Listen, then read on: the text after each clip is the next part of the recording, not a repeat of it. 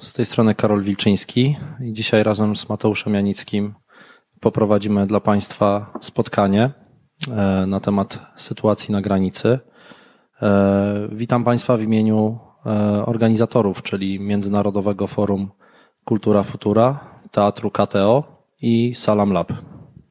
Przed chwilą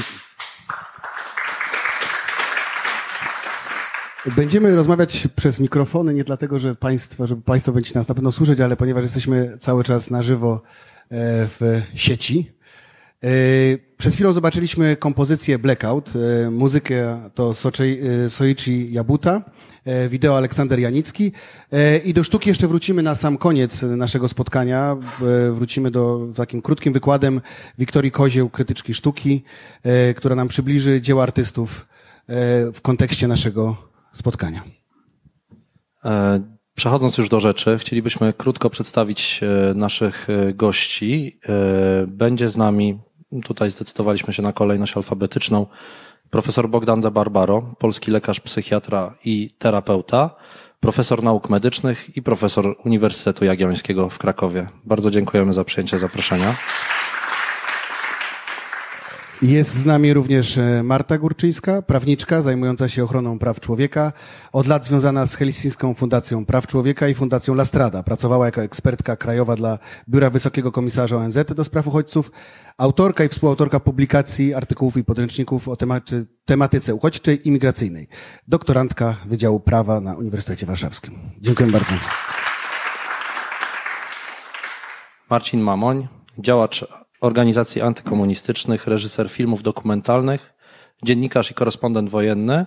Pracował m.in. w Syrii, Iraku, Ukrainie, Czeczenii. E, w 2020 roku objął stanowisko zastępcy ambasadora RP w Gruzji, zaangażowany w pomoc ludności czeczeńskiej. Ksiądz e, Mieczysław Puzewicz, absolwent teologii Katolickiego Uniwersytetu Lubelskiego, e, inicjator Katolickiego Stowarzyszenia Młodzieży, twórca Lubelskiego Centrum Wolontariatu. I obok mnie pan Ziad Rauf, e, od ponad 30 lat zabiegający o niepodległość dla swojego kraju, czyli Kurdystanu, pełnomocnik rządu Kurdystanu w Polsce. Miały być z nami jeszcze dwie osoby, dwie panie. Jak widzicie, e, zaburzony został porządek. E, niestety obie e, są dzisiaj niedysponowane. Miała być z nami pani Safia Rabati, Afganka i Krakowianka od 35 lat. Wiem, że nas ogląda, więc serdecznie ją pozdrawiam. I mam nadzieję, że przy okazji kolejnego wydarzenia ponownie będziemy mogli ją zaprosić na nasze spotkanie. Oraz pani Wiktoria Kozioł, którą w sumie zobaczymy w pewnej formule na sam koniec, ale nie zdradzam chyba jeszcze teraz krytyk sztuki, wykładowca na UP na Wydziale Sztuki. Um, mówić, co się będzie działo potem, czy... No, przybliży nam generalnie dzieła artystów w kontekście kryzysu humanitarnego, nie tylko tego na wschodniej, na granicy naszego kraju. E, to może jeszcze słowem wstępu byśmy się usprawiedliwili z Karolem, skąd pomysł tego spotkania. E, pomysł wynika z tego, że mamy jakieś takie wspólne przeświadczenie razem z Alkiem Janickim również, że rozmowy na temat e, migracji stały się dzisiaj w Polsce takimi dwoma e, osobno idącymi potokami słów, które niekoniecznie się spotykają, a dla przyszłości naszego kraju, ale też w ogóle świata, w którym żyjemy, zachodniego świata, ale w ogóle świata w ogóle, kryzys migracyjny wymaga jakiejś takiej debaty pogłębionej, debaty, w której się słuchamy i debaty, w której słyszymy różne perspektywy, stąd nasi goście dzisiaj. E, bardzo dziękujemy Państwu za przybycie. Bardzo dziękujemy też osobom, które słuchają nas e, e, na transmisji na żywo na Facebooku. Na koniec będzie możliwość zadawania pytań. Ja też będę miał telefon przy sobie, tak żebyśmy mogli rzeczywiście usłyszeć też głos z tej widowni, która jest z nami wirtualnie. E, natomiast już zaczynając, e, rzeczywiście sytuacja na pograniczu polsko-białoruskim, litewsko-białoruskim przede wszystkim, no jest bez precedensu dla historii e, tych krajów już po 1989 roku. Tak czyste dane. Straż Graniczna twierdzi, że doszło do 39 tysięcy prób, ponad 39 tysięcy prób nielegalnego przekroczenia granicy właśnie na, na terenie województwa podlaskiego i lubelskiego. Um, oczywiście tu nie chodzi o liczbę osób, bo te osoby z tego co wiemy też właśnie w e, kontekście działań Grupy Granica bardzo często próbowały wielokrotnie, kilkunastokrotnie e, przekraczać granicę, więc to nie jest e, równoznaczne z liczbą osób. Natomiast według danych Grupy Granica mm, aż 7700 osób zwróciło się do nich po pomoc do tych organizacji zrzeszonych w Grupie Granica od, e, od sierpnia 2021 roku. Podmienimy Ci, Karol, mikrofon. W tym 405 dzieci.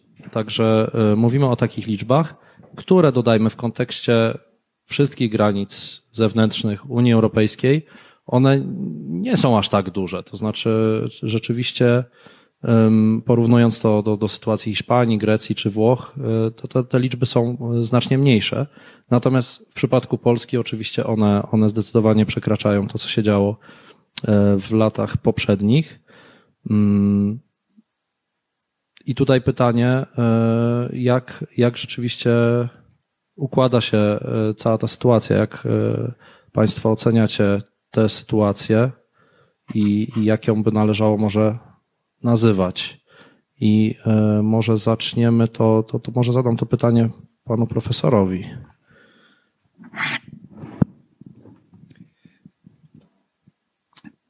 To jest pytanie, które znajduje odpowiedź e, w różnych moich częściach, że tak powiem. Znaczy, inaczej o tym myślę jako e, psychoterapeuta, inaczej o tym myślę jako Polak, inaczej jako obywatel świata i e, pierwsze, co narzuciło mi się, gdy Państwo mnie zaprosili na to spotkanie, to zauważyłem, że w tym y, tytule naszego spotkania jest mowa o perspektywie. Y, a perspektywa ma to do siebie, że jak coś jest y, daleko, to jest mniejsze. Takie są prawa, zdaje się, to Leonardo da Vinci chyba zauważył. I pomyślałem sobie, że to, co jest takim dla człowieka, więc w tym sensie dla obywatela świata, co jest punktem wyjścia do przeżywania dramatu, to jest e, śmierć niekonieczna, niesprawiedliwa.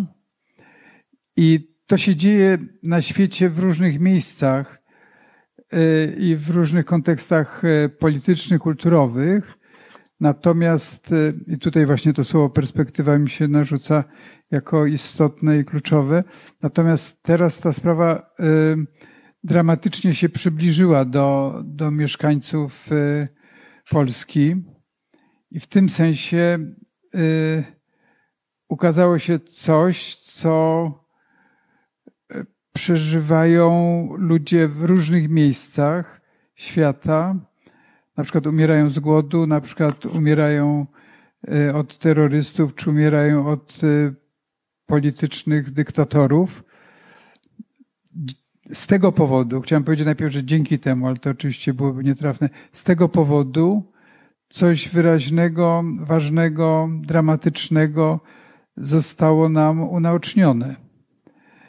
Więc e, jako terapeuta już nie tyle może jako obywatel, tylko jako terapeuta widzę to w takich kategoriach e, dramatu ofiar i dramatu świadków. E, a innego rodzaju dramatem jest to, co mogą przeżywać ci, którzy są sprawcami. No i to tak chyba na początek. To teraz byśmy poprosili e, księdza Puzewicza, żeby powiedział z perspektywy trochę kościoła, trochę też osoby zajmującej się wolontariatem, jak, jak to z księdza perspektywy wygląda. Proszę Państwa, mm, dobry wieczór, witam serdecznie. Y, ja zasadniczo y, wziąłem rozbrat z wszelkimi debatami na temat sytuacji uchodźców, ponieważ uważam to za stratę czasu. I gdyby nie moja sympatia do połowy tutaj poczynając od pana Karola przez pana Zjada i Marcina, z którymi jestem zaprzyjaźniony i to wcale nie jechał z Lublina do mm, Krakowa. Podejmowanie takich debat jest dla mnie zastydzające i żenujące. Z jakiego powodu, proszę państwa? To znaczy tak, myślę sobie, że żyjemy w takich czasach, które mnie zatrważają, że podejmujemy dyskusję na temat szczepić się czy nie szczepić. Są kluby, w których nadal dyskutuje się prawdziwość tezy o płaskim wymiarze Ziemi.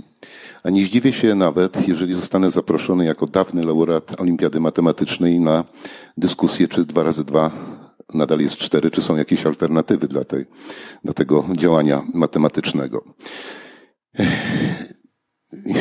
Wydaje mi się, że nie ma powodu do stawiania jakiejkolwiek tezy, która by argumentowała za tym, żeby nie przyjmować uchodźców. Tak jak ja rozumiem, że żyjemy w epoce ucieczki od ratio, bardzo nad tym ubolewam, i o wyborach decydują albo nastawienia emocjonalne, albo też subiektywne. W związku z tym fakty czy pewne oczywistości nie są brane pod uwagę. No, ja jednak jako e, ten, kto się chce trzymać z jednej strony racji, a z drugiej strony, e, że chce się trzymać też Ewangelii,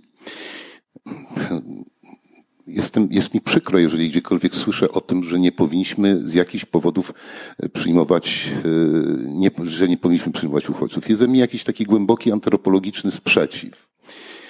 Jeżeli dyskutujemy nad tym, to znaczy, że odchodzimy od czegoś, co jest, wydawałoby się, że jest już uniwersalną wartością wpisaną właściwie w kulturę każdej, y, każdej religii czy każdej części świata. Proszę Państwa, instytucja azylu y, istniała od kiedy y, w Mezopotamii już można było znaleźć azyl przy słupach, tak, takich specjalnych.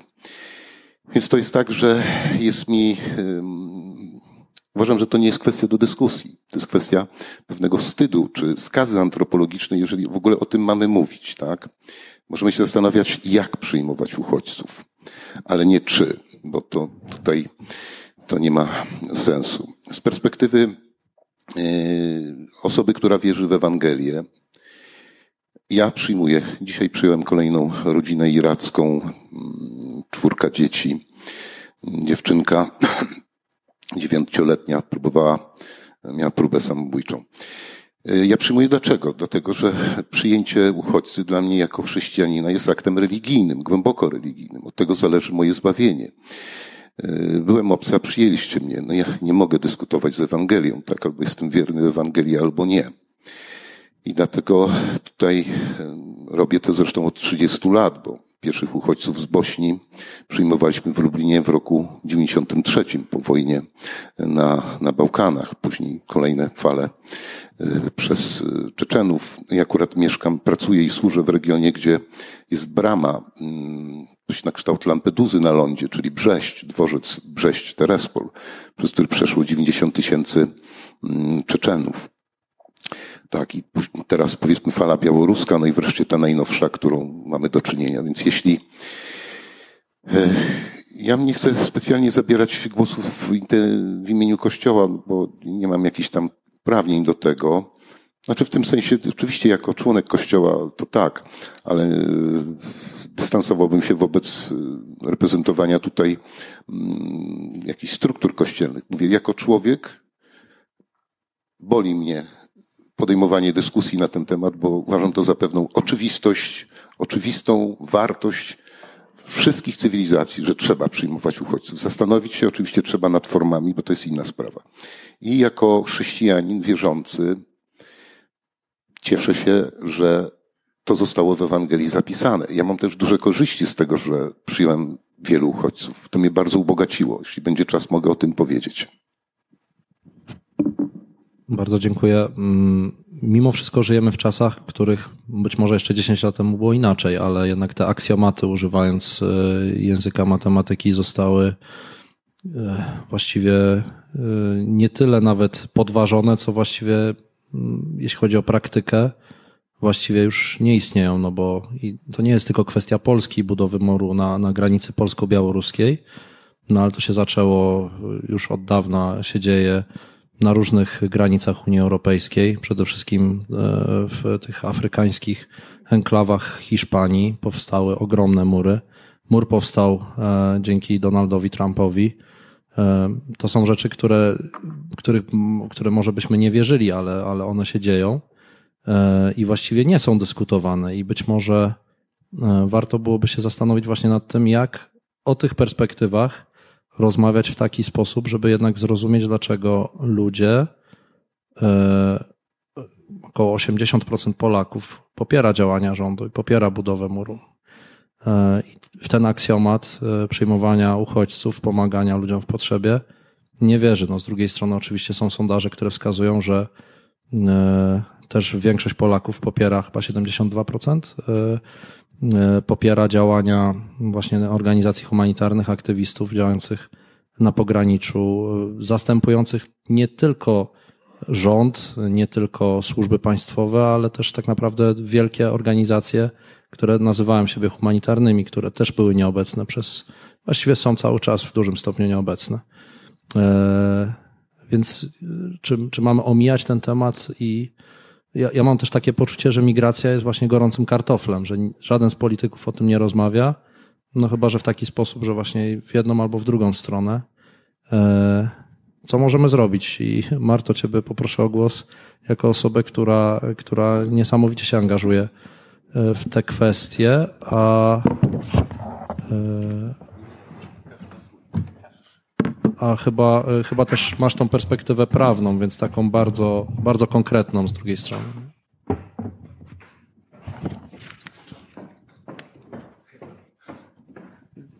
Dobra, chyba tak, chyba nie, tak.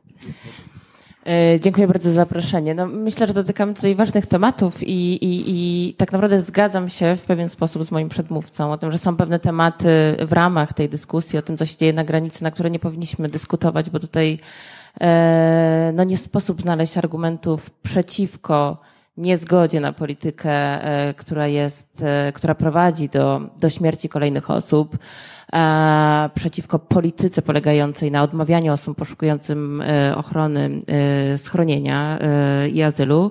Natomiast jest też dużo innych obszarów, na które ta dyskusja jest potrzebna i myślę, że ona jest bardzo zaniedbana i to jest to, o czym mówi Karol. E, i z czym się absolutnie zgadzam, że tak naprawdę w Polsce, już nie mówiąc e, na poziomie europejskim, może najpierw skupmy się na tym naszym polu krajowym, ta dyskusja o migracjach tak naprawdę nie toczy się, tylko wybucha e, co, te, co, co, jakiś czas wtedy, kiedy się pojawia, pojawia jakaś kwestia, mm, która właściwie od razu dzieli to społeczeństwo na pół wzdłuż ustalonych osi podziałów politycznych. Mm, I właściwie nie ma szansy na e, jakiś konstruktywny dialog na temat właściwie na, na, temat, który będzie nas coraz bardziej dotykał i, i, który jest coraz bardziej potrzebny w tej, w tej debacie publicznej. Mm, I teraz pytasz się, no właśnie, e, e, jakby co tu zrobić? I ja pomimo, że mm, angażuję się od wielu lat w te kwestie związane z ochroną praw osób migrujących, nie widzę tak naprawdę y, w tym momencie, ani tak naprawdę we wcześniejszych, tego pola do debaty, dopóki jesteśmy tak bardzo politycznie na, na te tematy podzieleni. Mm, I niestety y, to się potem przekłada właśnie na to, że e, mając do czynienia z taką sytuacją, z jaką mamy do czynienia obecnie, e, właściwie okazuje się, że tak, że, że, że nie ma stworzonej żadnej polityki migracyjnej w tym kraju, że nie bardzo wiemy, jak na taką sytuację odpowiedzieć. Co więcej, brakuje rzetelnych danych, brakuje informacji. Bardzo łatwo jest o zmanipulowanie Mm, opinią publiczną w związku z tym, że ta debata właściwie się nigdy na poważnie nie toczyła. I te procenty, o których mówisz, też to potwierdzają. To znaczy, z jednej strony 80% popiera budowę muru, z drugiej strony 72% osób popiera tą pomoc humanitarną świadczoną, przypomnijmy, zupełnie podziemnie i e, bez wsparcia państwowego, a często wręcz przeciwnie, e, e, przy różnych utrudnieniach, które, mm, które, które czekają na te osoby niosące tę pomoc na granicy przez, przez służby państwowe. W związku z czym mamy tutaj duże, mm, mam wrażenie, niezrozumienie tej sytuacji. No i właśnie, i, i, i jakieś takie mm, bardzo spolaryzowane tak naprawdę postawy związane z tą sytuacją. Więc ta debata jest konieczna i, i powinna być prowadzona, myślę, w czasach spokojniejszych. To znaczy, te czasy obecne wymagają podjęcia różnego rodzaju działań nagłych i pilnych, e, żeby chronić te osoby, które się na tej granicy znalazły, ale prawdopodobnie nie jest to, mm, czy nie był, zwłaszcza w tych momentach takich szczytowych tego kryzysu, najlepszy moment na taką spokojną, rzeczową debatę. E, pamiętacie pewnie Państwo 2015 rok, kiedy właściwie po raz pierwszy ta kwestia migracji wypłynęła e, w Polsce, wypłynęła do debaty e, publicznej, była podnoszona wtedy w kampanii prezydenckiej. I ten, i ten temat wtedy się właściwie po raz pierwszy pojawił była wtedy szansa na to, żeby ten temat dalej pociągnąć i, e, i, i, stworzyć w Polsce różnego rodzaju, no właśnie, chociażby dokumenty określające to, jaka ta polityka migracyjna ma być, jaka jest odpowiedź Polski, jaka jest w ogóle pozycja Polski w Europie, na świecie, w obliczu migracji, które, jak wiemy, będą rosnąć. Natomiast tak się nie stało. Temat e, uległ wyciszeniu i znowu teraz wybucha w takim krytycznym momencie, kiedy my już te odpowiedzi powinniśmy mieć, a, mm, a wciąż ich nie ma. Więc e, no to jest kłopot. Y, tylko, że dopóki tak naprawdę my na tę migrację będziemy patrzeć, no właśnie, jakoś przez ten pryzmat polityczny, to nie będzie szansy i nie będzie miejsca na taką wyważoną debatę, która mogłaby tutaj nas doprowadzić do, mm, do, do, do różnych odpowiedzi. Jeszcze na koniec tylko, tylko dorzucę właśnie a propos tego rozmawiania o tym. Myślę, że w ogóle takie spotkania są bardzo ważne w ramach różnych środowisk. My mamy taką tendencję do tego, żeby te debaty jednak się toczyły po jednej albo po drugiej stronie, po lewej, po prawej, nie rozmawiając ze sobą gdzieś tam wzajemnie i zamykając się we własnych bańkach, co jest dużą oczywiście szkodą e, e, dla, dla, dla, tego, mm, dla, dla tego tematu. I też szkodą jest to, że na przykład w takich sytuacjach jak obecnie nie ma też dialogu rządu na przykład z organizacjami pozarządowymi, ze środowiskiem pozarządowym, akademickim, e, takim, które mogłoby wnieść tą nową perspektywę i, i z doświadczeń, którego ten rząd mógłby skorzystać, e, tworząc odpowiedzi na, na tą sytuację. Więc E, mogę tylko e, no, wyrazić nadzieję, że może tym razem czegoś nas ta sytuacja nauczy, tak jak nie nauczył nas niestety 2015 rok. I tym razem e, zaczniemy dyskutować w szerokich, zróżnicowanych gronach o tym, co dalej, bo jak wiemy, te migracje mm, będą przybierać na sile i my musimy mieć na to odpowiedzi, jak, jak na nie odpowiadać. To nim zadam pytanie kolejnemu gościowi, chciałbym przeczytać taki fragment E, autora przytoczę na końcu, fragment e, e, wystąpienia. Sprawy uchodźców powinny być nam, Polakom, jak żadnemu innemu narodowi na świecie, szczególnie bliskie. Od 200 lat w każdym pokoleniu tysiące naszych rodaków zmuszonych było wybrać los uchodźczy. Dziś, kiedy żyjemy w niepodległym państwie, zdajemy trudny egzamin z naszej przyzwoitości. Gdy potrafimy okazać, czy potrafimy okazać elementarną ludzką solidarność i współczucie ofiarom reżimów, dyktatur i brudnych wojen. Zdaję sobie sprawę z tego, że nie wszyscy cudzoziemcy ubiegający się o status uchodźcy powinni ten status otrzymać. Nie może być jednak tak, że cała machina urzędnicza nastawiona jest na wykazanie, iż uchodźca jest oszustem, który chce wyłudzić od naszego państwa jakieś wyimaginowane przywileje. Polacy, naród uchodźców, mają szczególne zobowiązanie moralne wobec tych, którzy uciekają dziś ze swych krajów przed wojną, więzieniem i torturami. My nie mamy prawa demonstrować obojętności i cynizmu, bo zbyt wiele otrzymaliśmy w przeszłości, aby dziś, zasłaniając się skromnymi możliwościami budżetowymi, dawać tak mało. E, to jest e, wystąpienie ministra dzisiaj ministra spraw wewnętrznych i administracji Mariusza Kamińskiego z roku 2001 przy okazji e, migracji Czeczenów do, do Polski, ucieczki Czeczenów. I tu bym e, chciał, e, Marcin, do ciebie, że tak powiem, tobie zadać to pytanie, bo coś się takiego stało, że ja, ja wiem, że polityka jest czymś takim bardzo instrumentalnie używających naszych emocji i wtłaczających w swoje w swoje kanały po to, żebyśmy głosowali na tych, a nie na innych polityków, ale e, no, zaprosiliśmy Cię e, z tego powodu, że jesteś dziennikarzem, którego powiem tak, media nieprzychylne uchodźcom słuchają, a jednak masz tą perspektywę człowieka, który był tam, był na Bliskim Wschodzie, ale był też w Czeczeni, pracował z Czeczenami i, jakby potrafisz jakieś tak tym swoim głosem powiedzieć trochę, pokazać trochę inną perspektywę. I moje pytanie jest takie, co się stało, że nagle staliśmy się tacy, y, zaczęliśmy się tak strasznie tą polityką zasłaniać, a nie potrafimy rozmawiać no, o człowieku zamarzającym w lesie, człowieku uciekającym przed wojną? Ja myślę, dzień dobry, w ogóle witam wszystkich. Ja może się najpierw odniosę do tego, o co pytasz, czyli o chociażby osobę Mariusza Kamińskiego, którą akurat ja dobrze znam.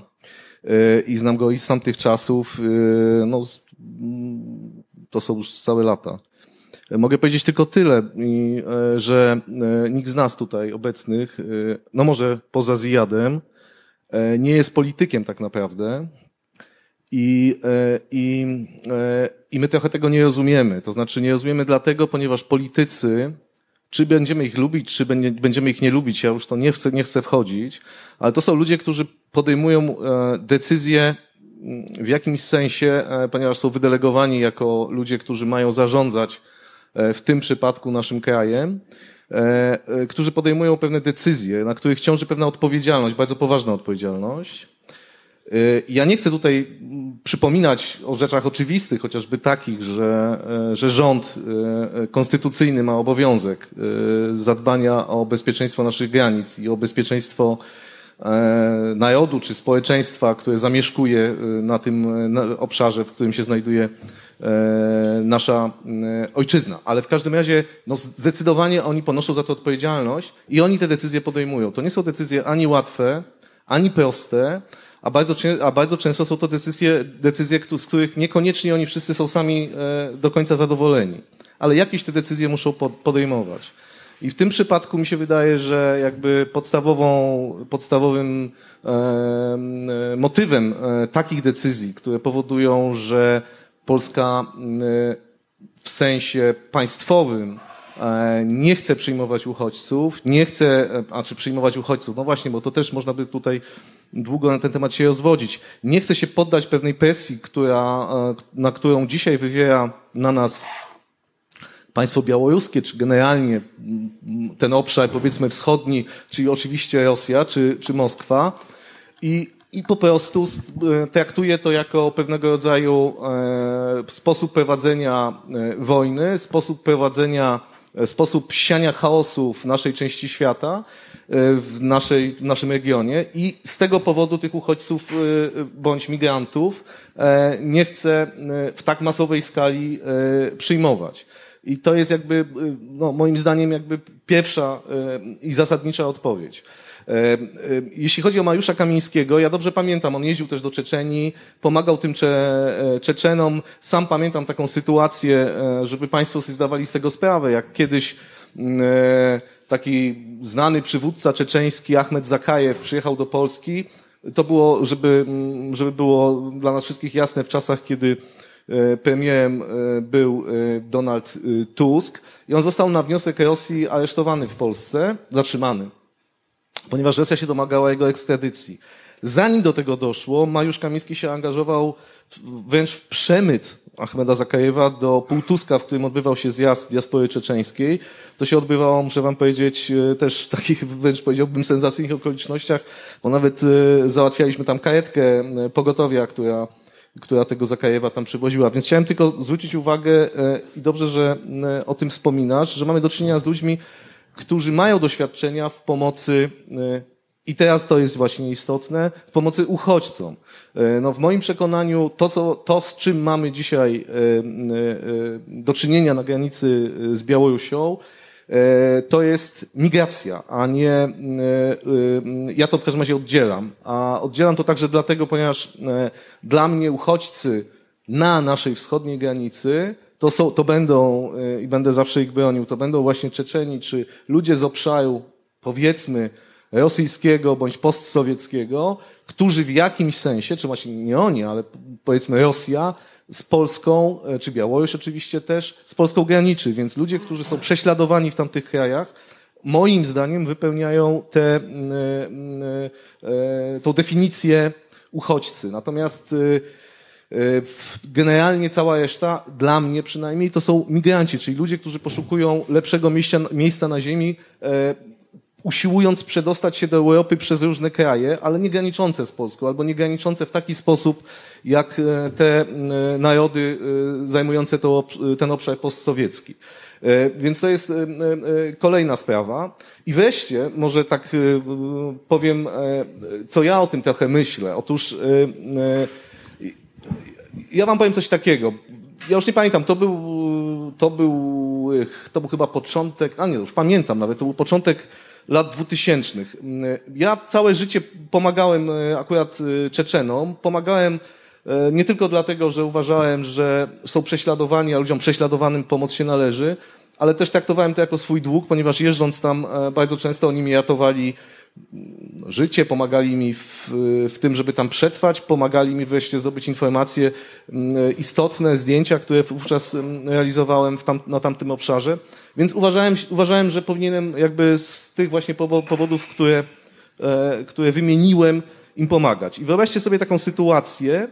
E, e, chodzi o ludzi naprawdę, to jeszcze, to jeszcze wtedy nie, nie była sytuacja, nie istniało państwo islamskie, to było przed 11 września, czyli ta kwestia wojny z terroryzmem, z dżihadem nie była aż tak obecna w mediach, bądź mm, powiedzmy, ja ją już zaczynałem rozumieć i jeszcze paru innych dziennikarzy i paru analityków, natomiast generalnie media tym jeszcze się nie interesowały. I teraz ja pomagam przedostać się do Polski, a, a dwóm Czeczenom, zaprzyjaźnionym, jeden niestety już nie żyje, ale e, i E, ponieważ jeden z nich, e, e, właściwie obydwaj byli chorzy, więc ja im załatwiam szpital. Notabene w Krakowie, na Skałecznej, jeszcze wtedy mm, pan profesor Szczeklik żył. I załatwiam mi ten szpital. I oni lądują dzięki mojej pomocy, prawda? W, no i pomocy oczywiście profesora Szczeklika i ludzi zaangażowanych, bo wszystko się dzieje właściwie nielegalnie, albo może nie nielegalnie, ale nie jest to sformalizowane, ta ich pomoc. I oni pierwszą rzeczą, którą e, zrobili, kiedy, e, kiedy e, pojawili się w, w, w szpitalu, to zdjęli krzyże, które tam wisiały, bo krzyże dla nich były czymś no, wręcz no, obrazo, dla nich to było obraźliwe, prawda? Dlaczego ja o tym mówię? Ja oczywiście mogę zrozumieć, że dla nich to może być e, obraźliwe. Niemniej, chciałem powiedzieć i zwrócić uwagę e, Państwa na to, że to, co się dzisiaj dzieje i ten ruch olbrzymi, gigantyczny, migracyjny, który odbywa się w tej chwili na całej, e, że tak powiem, kuli ziemskiej, to nie jest migracja i to nie są uchodźcy, takich, to nie jest to zjawisko, które ja pamiętam przy okazji Czeczenii czy przy okazji innych krajów gdzie e, jeździłem, e, które, gdzie racjonowałem to, co się tam dzieje. To jest coś, co, co niektórzy wręcz nazywają wędrówką ludów.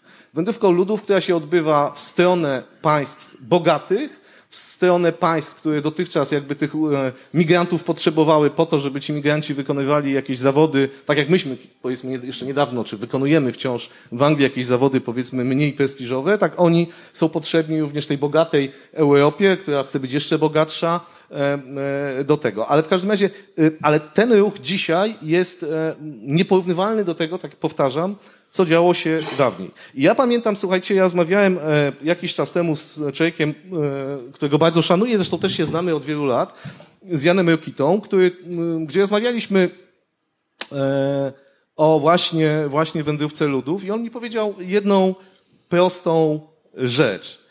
Przypomniał przypadek, który pewnie wszyscy jakoś tam znamy, czy pamiętamy z historii, czyli przypadek Rzymu. Jak wiemy, Rzym upadł. I upadł dlatego, ponieważ doszło do e, e, wędrówki ludów. I teraz wiemy, co się oczywiście działo później. Później było chrześcijaństwo, wiele spraw, nie będziemy oczywiście w tej chwili o tym mówić. Ale jedno nie podlega dyskusji. Rzym upadł dlatego, że obce, obce, powtarzam, to jest ważne słowo, obce narody, ludzie posługujący się obcymi językami, ludzie niosący obcą kulturę, podbili Rzym. I co się stało? Rzym przyjął, że tak powiem, tych barbarzyńców, wówczas tak nazywanych, prawda? Przyjął ich. I co się stało? Rzym upadł. Kiedy rozmawiałem z Janem Rokitą, on powiedział, że on, dla niego, sytuacja bardziej dopuszczalna jest taka, znaczy bardziej dopuszczalna, że on, bo mamy dwa przykłady, mamy Rzym i mamy Bizancjum, prawda? Bizancjum nie chciało przyjąć tak zwanych, powtarzam, barbarzyńców, żeby nikt mnie nie oskarżał, że myślę o, o, o braciach Czeczenach, Kurdach, Arabach i wszystkich, którzy, mm, którzy żyją na świecie mm, w kategoriach barba, barbarzyńców. Nie.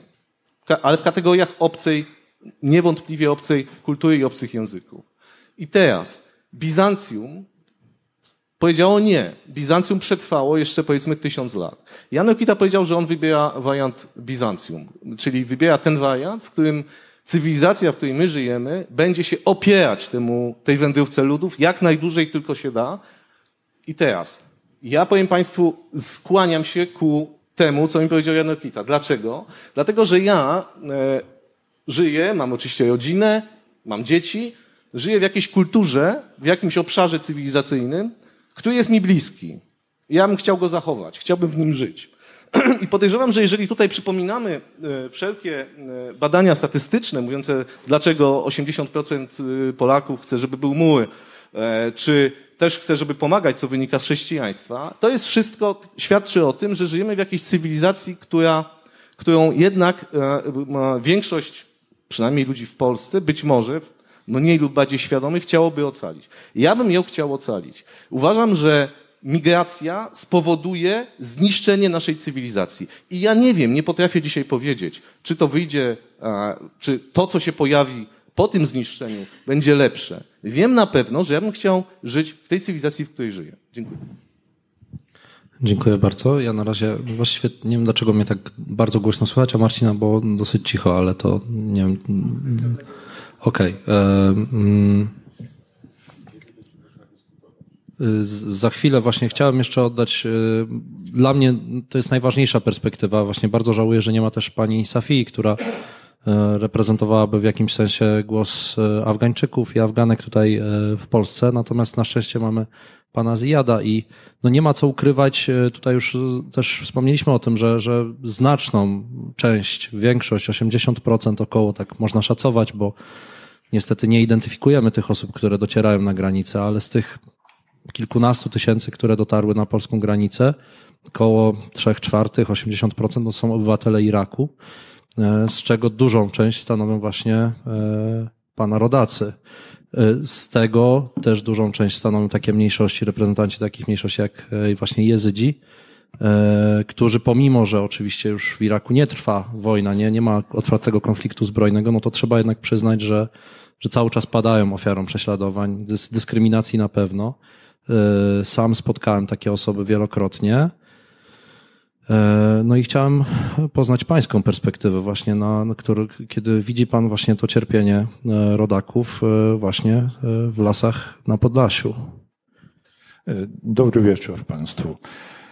Ja bym chciał trochę popatrzeć z takiej perspektywy dłuższej historycznej o przyczynach właśnie chociażby teraz tej emigracji i, i wiele innych, którzy e, zdarzali się w ostatnich e, dekadach. I w związku z tym również e, odpowiedzieć na pytania odpowiedzialności Europy, no i generalnie świata za to, co się dzieje. Ja jestem przekonany, że większość tych problemów, którzy są powodem e, chociażby z Bliskiego Wschodu, to jest ten układ kolonialny, który był i wiemy, jak potem Bliski Wschód został mm, podzielony od linijki na sztuczne państwa.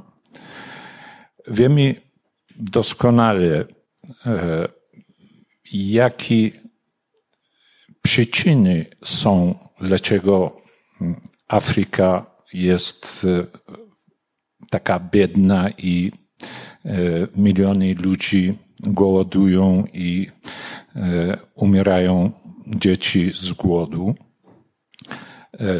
Wiemy chyba doskonale, że na Bliskim Wschodzie te wojny, które były w ostatnich latach, no chociażby wojna w Syrii, która trwa mm, ponad 10 lat, e, jaki stosunek był Europy i świata do tych konfliktów? Ja widziałam jedno, że większość krajów, e, ci, którzy mieli wpływ na sytuację e, na Bliskim Wschodzie, e, robili wszystko nie po to, żeby ten konflikt gasić i skończyć cierpienia ludzi, raczej wykorzystać konflikt dla swoich celów politycznych, e, tak zarządzać konfliktem na Bliskim Wschodzie, e, żeby było w interesach e, danego państwa albo grup państwa. I tutaj nie wykluczam ani Zachodu, ani Wschodu. Każdy z tych krajów, którzy mieli wpływ, patrzyli na konflikt jako sposób na e, realizowanie swoich celów, wzmocnienia e, swojej pozycji. E, I mm, na to nie wiem, czy jest czas, ale mogę dać mnóstwo przykładów. Doskonale pamiętam, kiedy w Turcji znaczy, Marcin lepiej ode mnie wie, kiedy e, ta wojna w Syrii zaczęła, to Turcja była jedynym krajem, przez którego dziesiątki tysięcy fanatyków e, nie tylko z krajów arabskich i muzułmańskich, ale z krajów europejskich e, przyjeżdżali do Syrii, żeby tam już e, później stworzyć mm, tak zwanego państwa islamskiego. Czy świat o tym nie wiedział? Czy Stany Zjednoczone, czy Rosja nie wiedzieli o tym, że e, Turcja jest e, takim przyjaznym krajem tranzytowym dla tych? Ja to w to wątpię. Jaka była reakcja na to? Czy przez wiele lat e, coś zrobiono, żeby nie doprowadzić do tego, nie pozwolić na to, nie było. W 2014 roku, e, kiedy e, ISIS w Turcji był taki silny i już wiadomo było, że oni będą dążyć do tego, żeby rozszerzyć e, e, granice swojego tak zwanego państwa islamskiego. E, dosłownie tydzień przed inwazją ISIS na Irak, prezydent Barzani w Kurdystanie wiedział o tym, wywiad kurdyjski o tym wiedział, poinformował e, premiera Iraku, wtedy był Maliki, który kompletnie lekceważył to. E, zadzwonił do prezydenta Francji. Też nie było żadnej reakcji, żeby e, nie pozwolić na to albo mm, przynajmniej jakoś zareagować, żeby nie dać możliwości.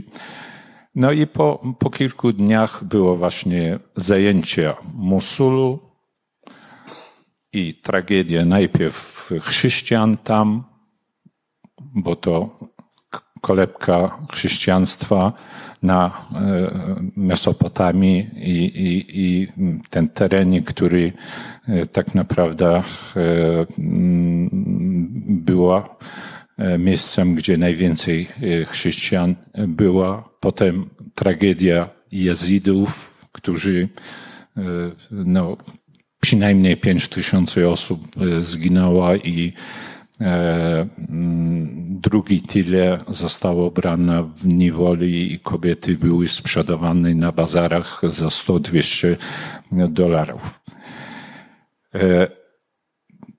Czy świat mógłby zapobiegać takiej sytuacji? Jestem przekonany, że tak.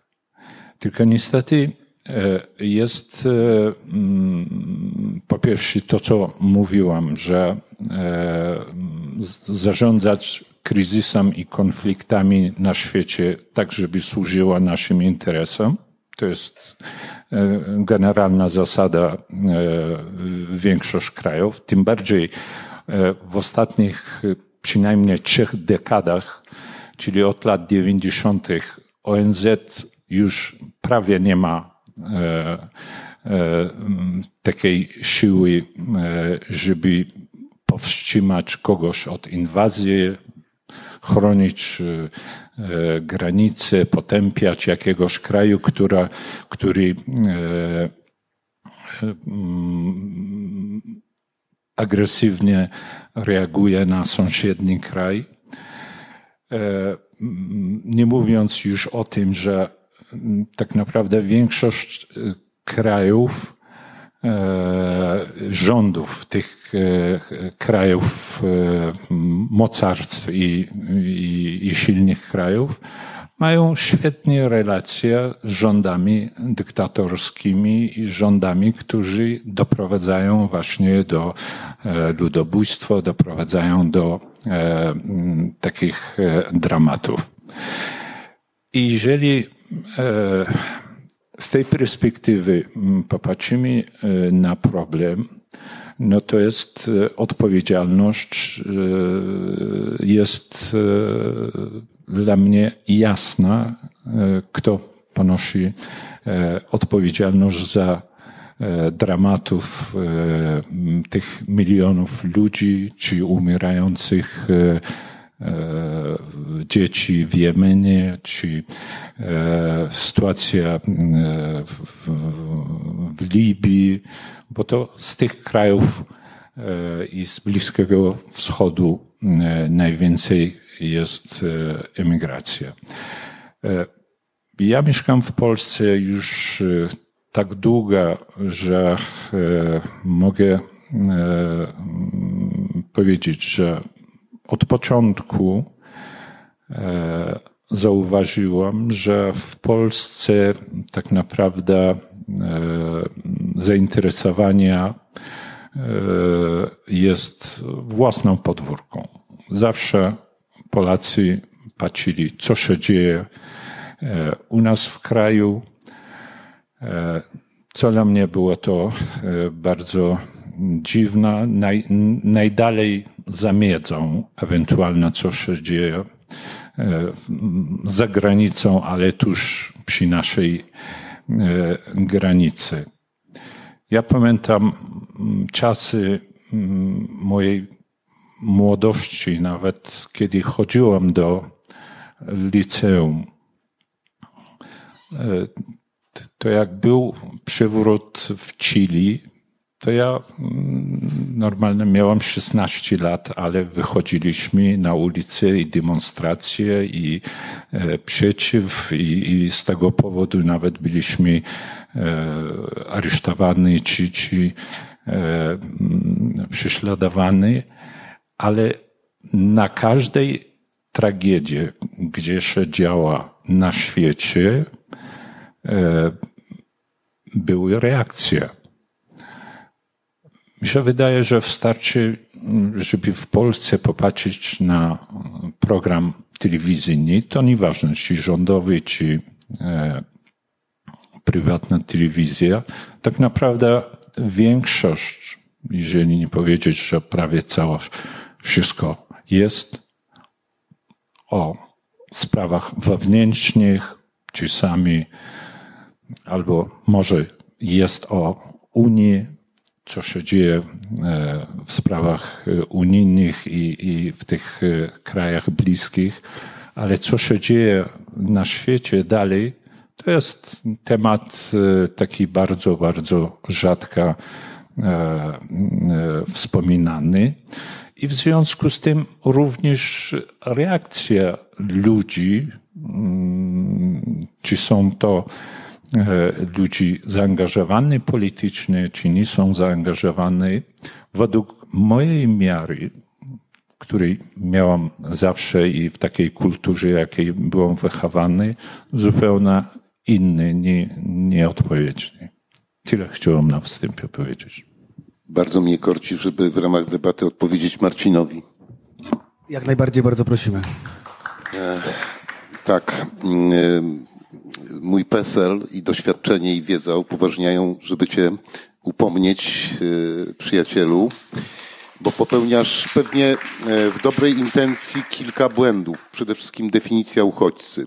To nie tylko kraje, w których są wojny, ale gdzie istnieje zagrożenie dla życia. Stąd też y, użyłeś zawężonej definicji y, uchodźcy. Chodziło mi tylko o to, w, tak, o Polskę kraje... i, w, w, i kontekst. Tak, prawda? tak, więc to też to jest, to jest jedna sprawa, że musimy pamiętać, że uchodźca to jest ten, kto, któremu grozi żyć, utrata życia czy zdrowia z powodu chociażby terroryzmu i tym podobnych. Y, być może tutaj masz rację, jeśli chodzi o kwestie, kwestie, że jest to większa, mm, że tam na granicy polsko-białoruskiej jest większa liczba migrantów. Zaraz się do tego odniosę. E, Rzym upadł e, mimo muru Hadriana, który miałem wątpliwą przyjemność widzieć i tam pozostałości jeszcze w Panonii. Mury nie pomogły e, Rzymowi. No oczywiście przewaga Bizancjum polegała na tym, na tym, że mieli więcej naturalnej obrony dzięki morzom. Tak? Ale mury nie obronią, wszystkie mury upadły. Z pamiętnym murem berlińskim, który widziałem na własne oczy i kawałek jeszcze mam, yy, i gdzie a propos tego, co powiedział Ziyad, Państwo w większości są młodym pokoleniem. Wielkie sprzeciwy wnosili miłośnicy wiewiórek, ponieważ na fotokamerę yy, była uruchamiana broń wiewiórki nie wiedziały, że nie powinny przechodzić z jednej części Berlina do, do, do drugiej. Y, potwierdzam to, co powiedział Zjad i y, ja przyjmowałem ostatnio trzy dziewczyny z Etiopii, z Tigraju. Y, tam toczy się wojna domowa bezwzględna, która podjęta przez władze rządowe, właściwie dokonuje się tam rzeź. Kilkukrotnie spotkałem się z totalną niekompetencją urzędników ministerialnych, którzy nie mają pojęcia chociażby o tym, że stamtąd ludzie uciekają i to są ofiary wojny, tak samo jak chociażby z północy Kamerunu. Y, trzeba oglądać Al Jazeera, ja to robię, jeżeli tylko mogę, bo tam przynajmniej jest jakiś, jakiś, y, jakiś obraz. Y, nieprawdziwą jest też teza, że to, co robi się na granicy, polsko-białoruskim jest y, wyrazem troski o bezpieczeństwo kraju. To są dwie różne rzeczy. Ja jestem wielkim propaństwowcem. Y, trochę też dostałem pałą w czasach, w latach 80., żeby moje państwo Także tutaj protestuję, żeby pani nie mówiła w tym kraju, tylko w naszym kraju, nie? Bo to jest jednak tak czy inaczej nasze państwo, nasz kraj. E, ja chcę, żeby moje państwo było silne, tylko zabezpieczenie, e, zapewnienie bezpieczeństwa jest zupełnie czym innym i w żadnym stopniu niezbieżnym z przyjmowaniem uchodźców. Można było bardzo dobrze e, rozwiązanie w postaci korytarza humanitarnego można było przyjąć, żeby nie było ofiar na granicy, bo kiedyś ja się nie chcę wtrącać do polityki, ale po latach decyzje polityczne też będą osądzone i to, co się wydarzyło na granicy, śmierć ludzi na granicy mojego państwa i mojego narodu z Białorusią, to jest haniebna strona. I tak to zostanie ocenione, bo żadne wcześniejsze w historii tego, tego to czy inne działanie o podobnym charakterze nie zostało ocenione e, pozytywnie. Więc wierząc Mar Marcin w Twoją wrażliwość i inteligencję, którą wielokrotnie y, doświadczyłem, prosiłbym, żebyś to po prostu y, przemyślał. I y, jeszcze o nieskuteczności wszelkich murów. Tak się złożyło w historii mojego już długiego życia, że różne te mury widziałem. Widziałem też Rio Grande, do którego Amerykanie wpuszczali jadowite węże, pisząc tabliczki, że to oczywiście grozi śmiercią przekroczenie tam tunelami ludzie się przedostawali, katapultami. Nie ma żadnych murów na świecie, które byłyby skuteczne. Są mury, które później będą murami hańby, tak jak mur berliński, inne. Trzeba zadbać o bezpieczeństwo państwa. Mamy bardzo dobrze wyszkoloną Straż Graniczną. Nie wolno było ich zmuszać do tego, żeby łamali prawo. Można było spokojnie przyjąć te osoby, które potrzebujące interwencji lekarskiej i tak dalej. Bandziorów można przegonić. To z tym się zgadzam. Trzeba nawet przegonić. Także tutaj no, w tych punktach się z Tobą nie zgadzam. Panie profesorze. Ja też chciałbym nawiązać, czy e, w jakimś sensie polemizować z tym, o czym Pan powiedział. Z jednej strony Pan użył określenia, e, że polityk to jest osoba, która kieruje się swoją odpowiedzialnością. Otóż moje wrażenie jest takie, że tak dojrzale nie jest. Chciałoby się, żeby tak było. Polityk także kieruje się tym, żeby utrzymać władzę. Y, wirus y, władzy, czy wirus władania y, dla psychologów, psychoterapeutów jest jakoś w sposób oczywisty groźny. Dla każdego człowieka jest groźny. Natomiast polityk mocą właśnie tej pozycji społecznej, którą ma, jest na ten wirus szczególnie narażony. I w związku z tym Y, niekoniecznie kieruje się tak zwanym dobrem ogólnym czy dobrem państwa, tylko może się kierować na przykład smakiem władzy. I myślę, że nie trzeba być aż y, zwolennikiem opozycji, żeby to dostrzegać i żeby ubolewać nad tym, jak bardzo w tej chwili ten y, wirus władzy jest wszechobecny. Natomiast wbrew temu, co ksiądz powiedział, ja uważam, że jest o czym dyskutować i to, o czym pan powiedział, wydaje mi się być dobrym tego przykładem. Mianowicie to jest pytanie o tożsamość. Ja rozumiem, y, tożsamość może być rozumiana defensywnie, tak zrozumiałem pana słowa, że moja tożsamość miałaby być zagrożona tym, że ktoś obcy, inny, z obcą kulturą będzie y, mi zagrażał. Ale tożsamość może być też rozumiana y, nie tyle ofensywnie, co w sposób otwarty. To znaczy, może być ktoś inny, obcy, ja mogę być otwarty na niego, y, zaciekawiony i taki, który buduje y, no, coś, co jest, tak zrozumiałem, fundament chrześcijaństwa. To znaczy, y, tak jak u świętego Pawła, jeżeli dobrze pamiętam, jest powiedziane, nie ma już Żyda ani Greczyna, tylko jest ten drugi. Y, jak widzę na Pana szyi zawieszony krzyż, to, no to mam tak zwane mieszane uczucia.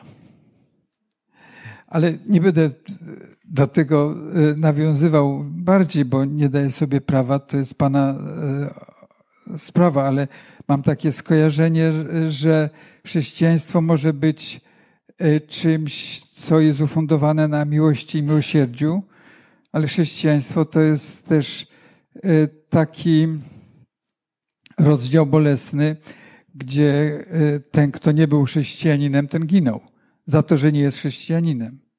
Mi jest bliskie takie chrześcijaństwo, które jest otwarte na innego y, i myślę o tym jako o też wyraz, to o czym tutaj y, Pan wspomniał, na ile my jesteśmy ksenofobijni albo y, polakocentryczni. Może Państwo znacie taką statystykę. Badano w Europie, pytano różne różne społeczeństwa y, y, takim prostym pytaniem, czy uważasz, że kultura twoja jest lepsza od innych? Hiszpanie odpowiedzieli w 20%. 20% Hiszpanów uważa, że ich kultura jest lepsza od innych, a Polacy w 56%. Mnie to zawstydziło, bo jak się to ma do faktów? Jak się to ma do tego, co właśnie w tej chwili się dzieje na granicy? Y, I jeszcze y, chciałbym o tym wspomnieć, że y, jeżeli rzeczywistość jest tak złożona, jak jest w tej chwili, koniec XIX wieku to jest czas, kiedy kraje Europy Zachodniej podbijały Afrykę. A teraz, kiedy tak się dzieje, że nadchodzi klęska klimatyczna, a właściwie już ma miejsce, i ludzie stamtąd chcą iść do Europy, to my mówimy o nie, bo my jesteśmy chrześcijanami, my mamy e, swoją własną kulturę i tożsamość, której będziemy strzec przed takimi czy to nazwiemy ich uchodźcami, czy imigrantami, czy tymi, którzy wolą żyć w bogatych krajach, co rozumiem zostało powiedziane jako przeciw, pewien przytyk, że ktoś chce być w bogatym kraju. Otóż, y, ale na, na pociechę mam y, taką informację z część Państwa zapewne to wie, że w Hiszpanii, właśnie owej Hiszpanii, gdzie zaledwie 20% populacji uważa, że mają wyższą kulturę niż pozostałe kraje Europy, Otóż tam między IX y, a XII wiekiem y, żyły społeczeństwa, gdzie y, wymiana, współpraca i wymiana kulturowa, ale także na poziomie religijnym między muzułmanami, chrześcijanami i społecznością żydowską święciła triumfy. To był czas, kiedy otwartość na obcego, na innego, E, była czymś e, zacnym, ale nie tylko zacnym, ale także e, chcianym. Maimonides jest właśnie stamtąd, z tamtego czasu. Więc nie myślę, żeby tożsamość musiała być broniona przy pomocy murów. Nie chcę, żeby tutaj za dużo mm, takich kategorii z psychologii klinicznej się pojawiało w naszej rozmowie, ale dojrzałość emocjonalna polega na tym, że jestem e, otwarty na to, co inne. Nie otwarty bezkrytycznie, że to będę połykał, nie otwarty w ten sposób, że zatracę własną tożsamość, tylko że nie muszę być wobec tożsamości drugiego tak zamknięty, że będę właśnie budował mury, czy to symboliczne, czy to emocjonalne, czy to dosłowne. To Marcin, no ja bym poprosił Ciebie o, o, o parę słów, ale jeszcze dorzuciłbym do tego takie pytanie na temat. E, e, dorzuciłbym do tego, co zostało powiedziane. Znaczy, powiedziałeś o pewnym bezpieczeństwie e, granicy, a wiemy, że przez Polskę do Niemiec dotarło prawie 12 tysięcy ludzi, prawda? Czyli nasz rząd chwali się tym, że dumnie broni naszej granicy. Według wielu z nas, dopuszczając się e, łamania prawa i, no i takich podstawowych, e, braku podstawowej ludzkiej empatii, a jednak ci ludzie przez Polskę, że tak powiem, idą właściwie no, no, no niepokojeni, ale, ale cały czas idą. Znaczy jakby cały czas to się dzieje, czyli jakby to, ten argument bezpieczeństwa gdzieś, gdzieś unik, ucieka. No jeżeli, jeżeli ma, mówimy o bezpieczeństwie, a ci ludzie przechodzą przez Polskę, no to to, jakiego, o, o, to nawet w kontekście e, tego, co deklaruje władza, to też jakby traci, traci na znaczeniu. No i tu bym e, też dotknął tego, co powiedział pan profesor, znaczy, że myśmy zawsze byli, jeżeli e, można mówić o naszym kraju w kontekście siły i jakiegoś takiej dumy, no to, to zawsze to była ta duma z tej wielokulturowości naszego kraju. To, to myśmy się stali takim homogenicznym krajem dzięki Stalinowi i Hitlerowi. A, a wcześniej byliśmy krajem, w którym żyło wiele kultur, więc, więc gdzie, gdzie ta tożsamość, którą chcemy bronić? Czy to jest ta, ta tożsamość właśnie taka, no ja bym powiedział, takiego pseudobezpieczeństwa? Znaczy tak, idąc y, jakby od końca, y, no tak, oczywiście y, wojna, druga wojna światowa, później komunizm, no uczyniły oczywiście z Polski państwo takie homogeniczne, znaczy absolutnie jest jeden naród, prawda? Chociaż oczywiście ostatnie lata trochę temu przeczą, bo mamy w tej, w tej chwili przecież, nie, już nie wiem, nie potrafię podać wiarygodnych danych, bo, bo ich nie sprawdzałem, ale nie wiem, czy mamy milion, czy dwa miliony Ukraińców, do tego Białorusinów, no wszyscy korzystamy e, właśnie z tych, nie wiem, czy jeździmy, czy wchodzi, nie wiem, Uberami, tudzież Boltami, czy innymi taksówkami, chodzimy do sklepów i widzimy, że tych ludzi jest mnóstwo, że to nie jest tak, że, że Polska dzisiaj jest tak homogeniczna, jak była powiedzmy jeszcze 15 czy 20 czy 30 lat temu, więc to się absolutnie zmieniło. Są oczywiście też Czeczeni, oczywiście ich jest mniej. Ormianie, mnóstwo ich jest w tej chwili w Polsce, więc tak to trochę nie jest moim zdaniem. E, natomiast y, ja powiem tak, y, tutaj nie chcę, za, za, żeby nie było, że będę za długo mówił, powiem tak, tutaj Mietek, ksiądz Mieczysław nie do końca chyba mm, tu się trochę rozminęliśmy, bo ja twierdzę, ja nie uważam, że mury są w stanie obronić i mało tego, podzielam absolutnie twoje zdanie, że mury prędzej czy później wybudowane no, taka jest ich natura, że ktoś je kiedyś zburzy, prawda? Ja, mnie tu chodziło o, taki, o podanie przykładu tego, że o ile Rzym jednak zgodził się wpuścić barbarzyńców ówczesnych, o tyle Bizancjum się nie zgodziło. Efekt był taki, że Rzym upadł szybciej, a Bizancjum przetrwało dłużej. I mnie chodziło tylko o to, że są tłumacząc to, co mówił mi Jan Rokita, że jego opcja jest, że tak powiem, opcja. No. On uważa, że należy tego typu wędrówkę ludów, z którą mamy do czynienia dzisiaj, jak najdłużej powstrzymywać. Że po to powstrzymywanie jest dla niego, e, e, w, w tym jest jakiś e, dla niego fundamentalny, fundamentalny sens. Natomiast oczywiście z mojami no jest tak, że one, że one prędzej czy później no ktoś, je, ktoś, je, ktoś je zburzy. Co do cywilizacji, co do, co do tego, co pan profesor mówił o Hiszpanii, no to, że Hiszpanie tak twierdzą o swojej kulturze, moim przekonaniu konsekwencją tego będzie, że Hiszpania przetrwa inaczej, że, że naród taki jak my, w którym e, ta duma z e, polskości jest większa, czy z tej kultury, która jest, miała być lepsza, e, oznacza, że, że my przetrwamy dłużej, a Hiszpania krócej. Znaczy to są, to jest dla mnie oczywiste. Więc dla mnie najważniejsze tutaj, żebyśmy się dobrze zrozumieli wszyscy tutaj, że ja chciałbym bardzo uniknąć emocji. Bardzo chciałbym uniknąć emocji. I nie da się, nie, nie, nie, nie. Chciałbym uniknąć emocji dlatego, ponieważ ja przez wiele lat zajmowałem się, poniekąd zajmuję się do dzisiaj tym, e, trochę o czym mówił Ziyad, czyli tym, żeby zrozumieć to, co się dzieje na świecie i co jest powodem pewnych procesów, z którymi mamy do czynienia. Akurat mnie dużo mniej interesuje wewnętrzna sytuacja, znaczy wewnętrzna, no, no, wewnętrzny konflikt polityczny, który jest w Polsce, a bardziej mnie interesuje to, co się dzieje na świecie, gdyż wiem doskonale, sam się wielokrotnie o tym przekonałem, jak to może wpływać i wpływa, jak sami widzimy, na sytuację również w Polsce. Dzisiaj jest to ten, e, ten kryzys, czy ta sytuacja związana z, z uchodźcami czy migrantami.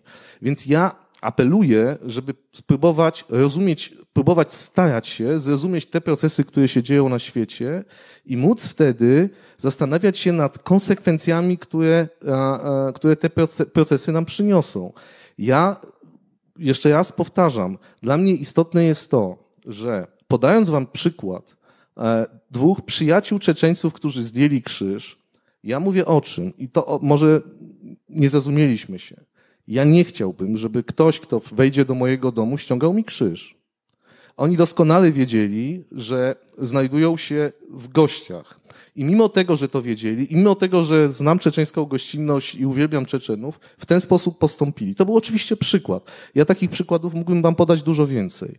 Mówię tylko o tym, że mamy do czynienia z wędrówką ludów, których kultura jest na tyle inna, że ona nie będzie w stanie zaakceptować tego, nie wiem, może dla was już nie, ale dla mnie na przykład jest jakoś tam bliskie i ja chcę w takim świecie po prostu żyć.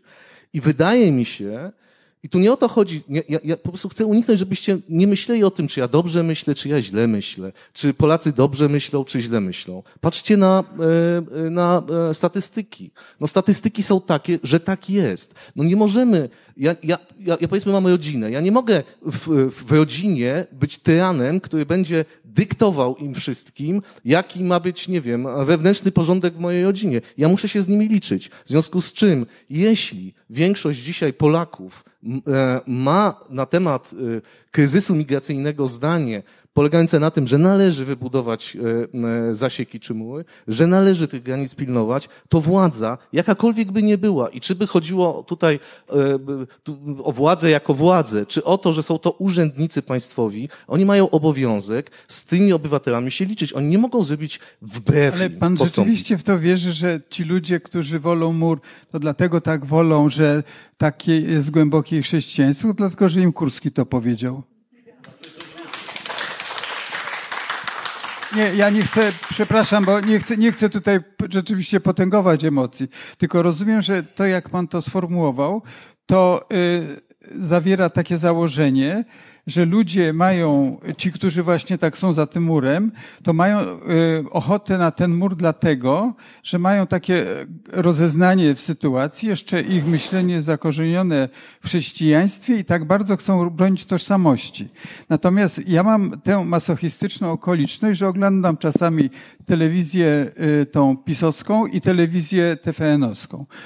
I y, długo nie wytrzymuję przy telewizji pisowskiej, dlatego że po pewnym czasie czuję, jak zbiera we mnie gniew na te kłamstwa, które stamtąd płyną.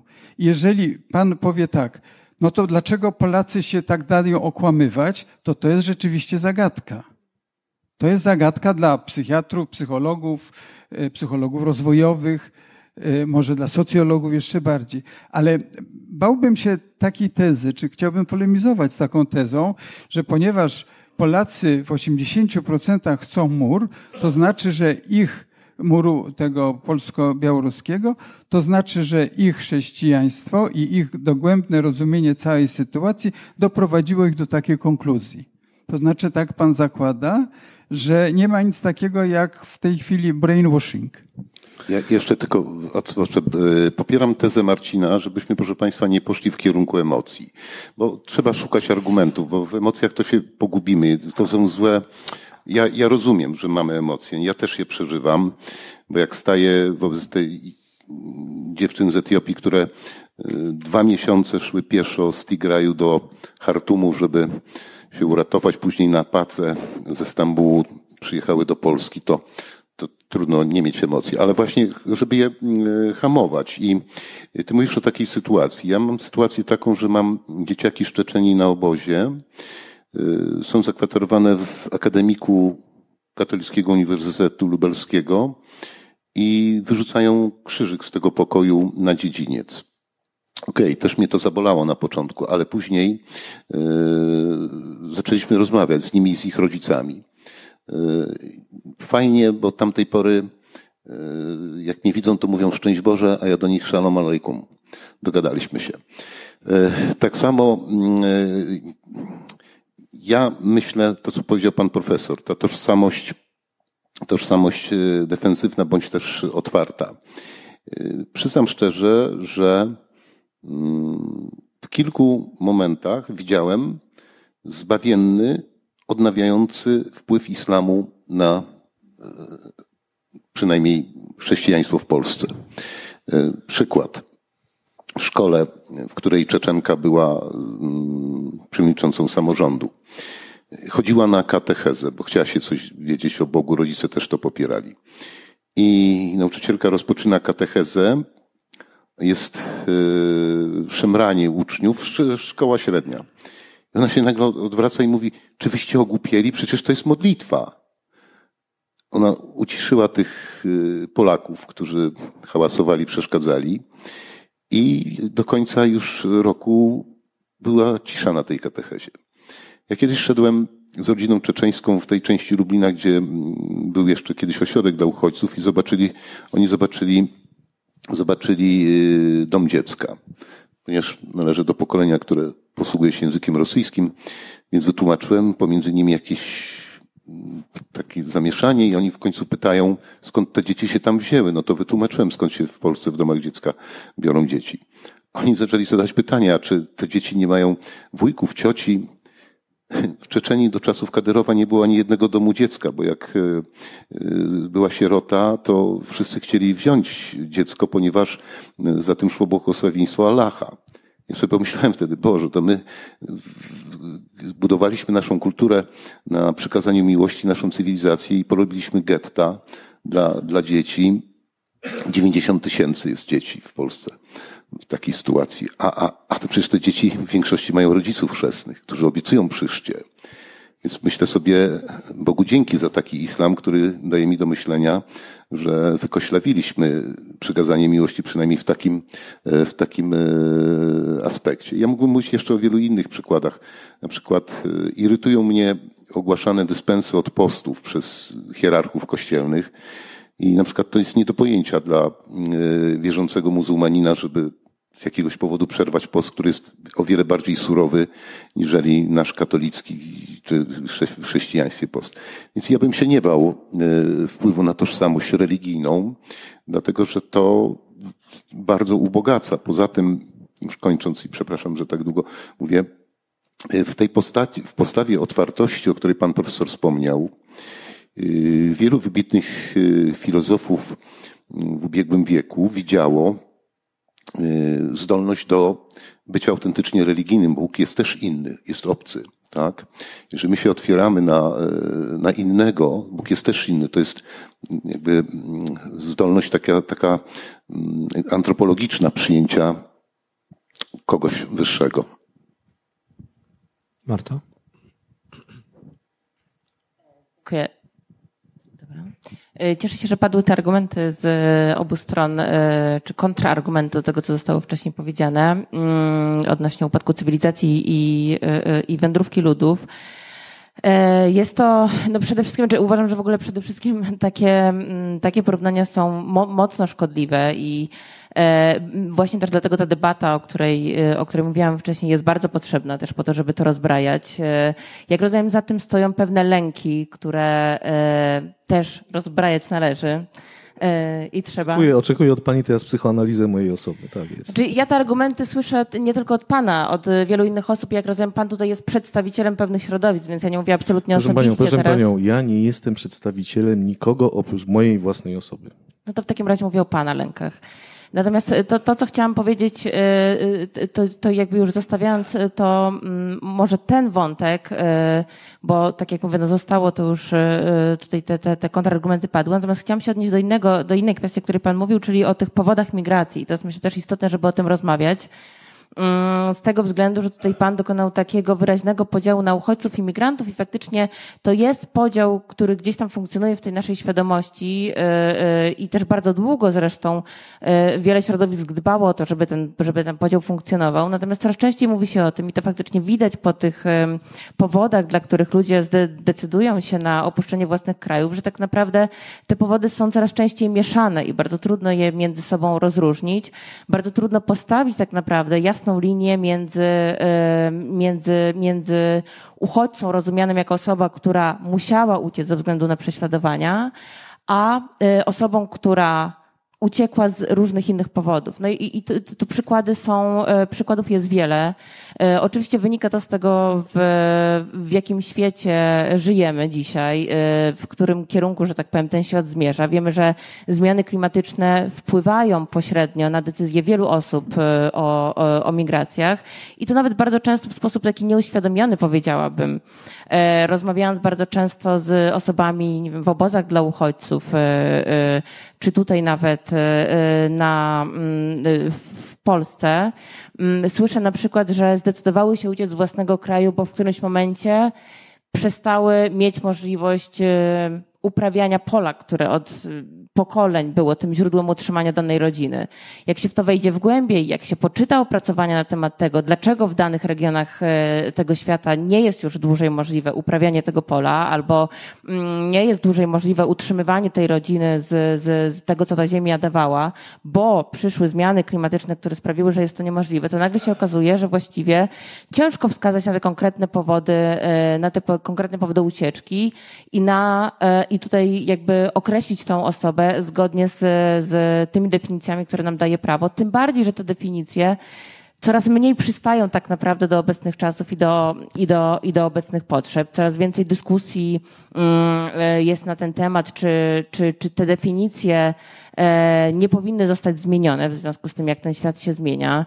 E, jeżeli ktoś ucieka przed biedą, która z kolei e, sprawia, że taki człowiek nie może zapewnić, nie wiem, swoim dzieciom edukacji, nie może zapewnić sobie bezpieczeństwa, nie może żyć dalej w tym miejscu, w którym żyje, no to pytanie tak naprawdę, kim, jakby jak tą osobę zdefiniujemy prawnie, znaczy, czy, czy to jest, mm, czy to jest migrant ekonomiczny, tak jak, tak jak tutaj pan ocenił, czy to jest może osoba, która jednak z różnych różnych powodów musiała uciec i w związku z tym należy jej się jakaś forma ochrony międzynarodowej. Także tutaj bardzo trudno jest często przeprowadzić tą jasną linię i stąd też wydaje mi się, że po pierwsze mm, należy Należy w ogóle zacząć się zastanawiać nad tym, czy my te definicje, które obecnie funkcjonują, czy one, czy one po prostu przystają do tego, w jakich, w jakich czasach żyjemy, czy odpowiadają na to, na co powinny odpowiadać, czyli na przykład na to, że te zmiany klimatyczne, które doprowadzają bardzo często do migracji, są powodowane w większości jednak przez państwa zachodnie, które następnie odmawiają przyjmowania tych osób na swoje terytoria.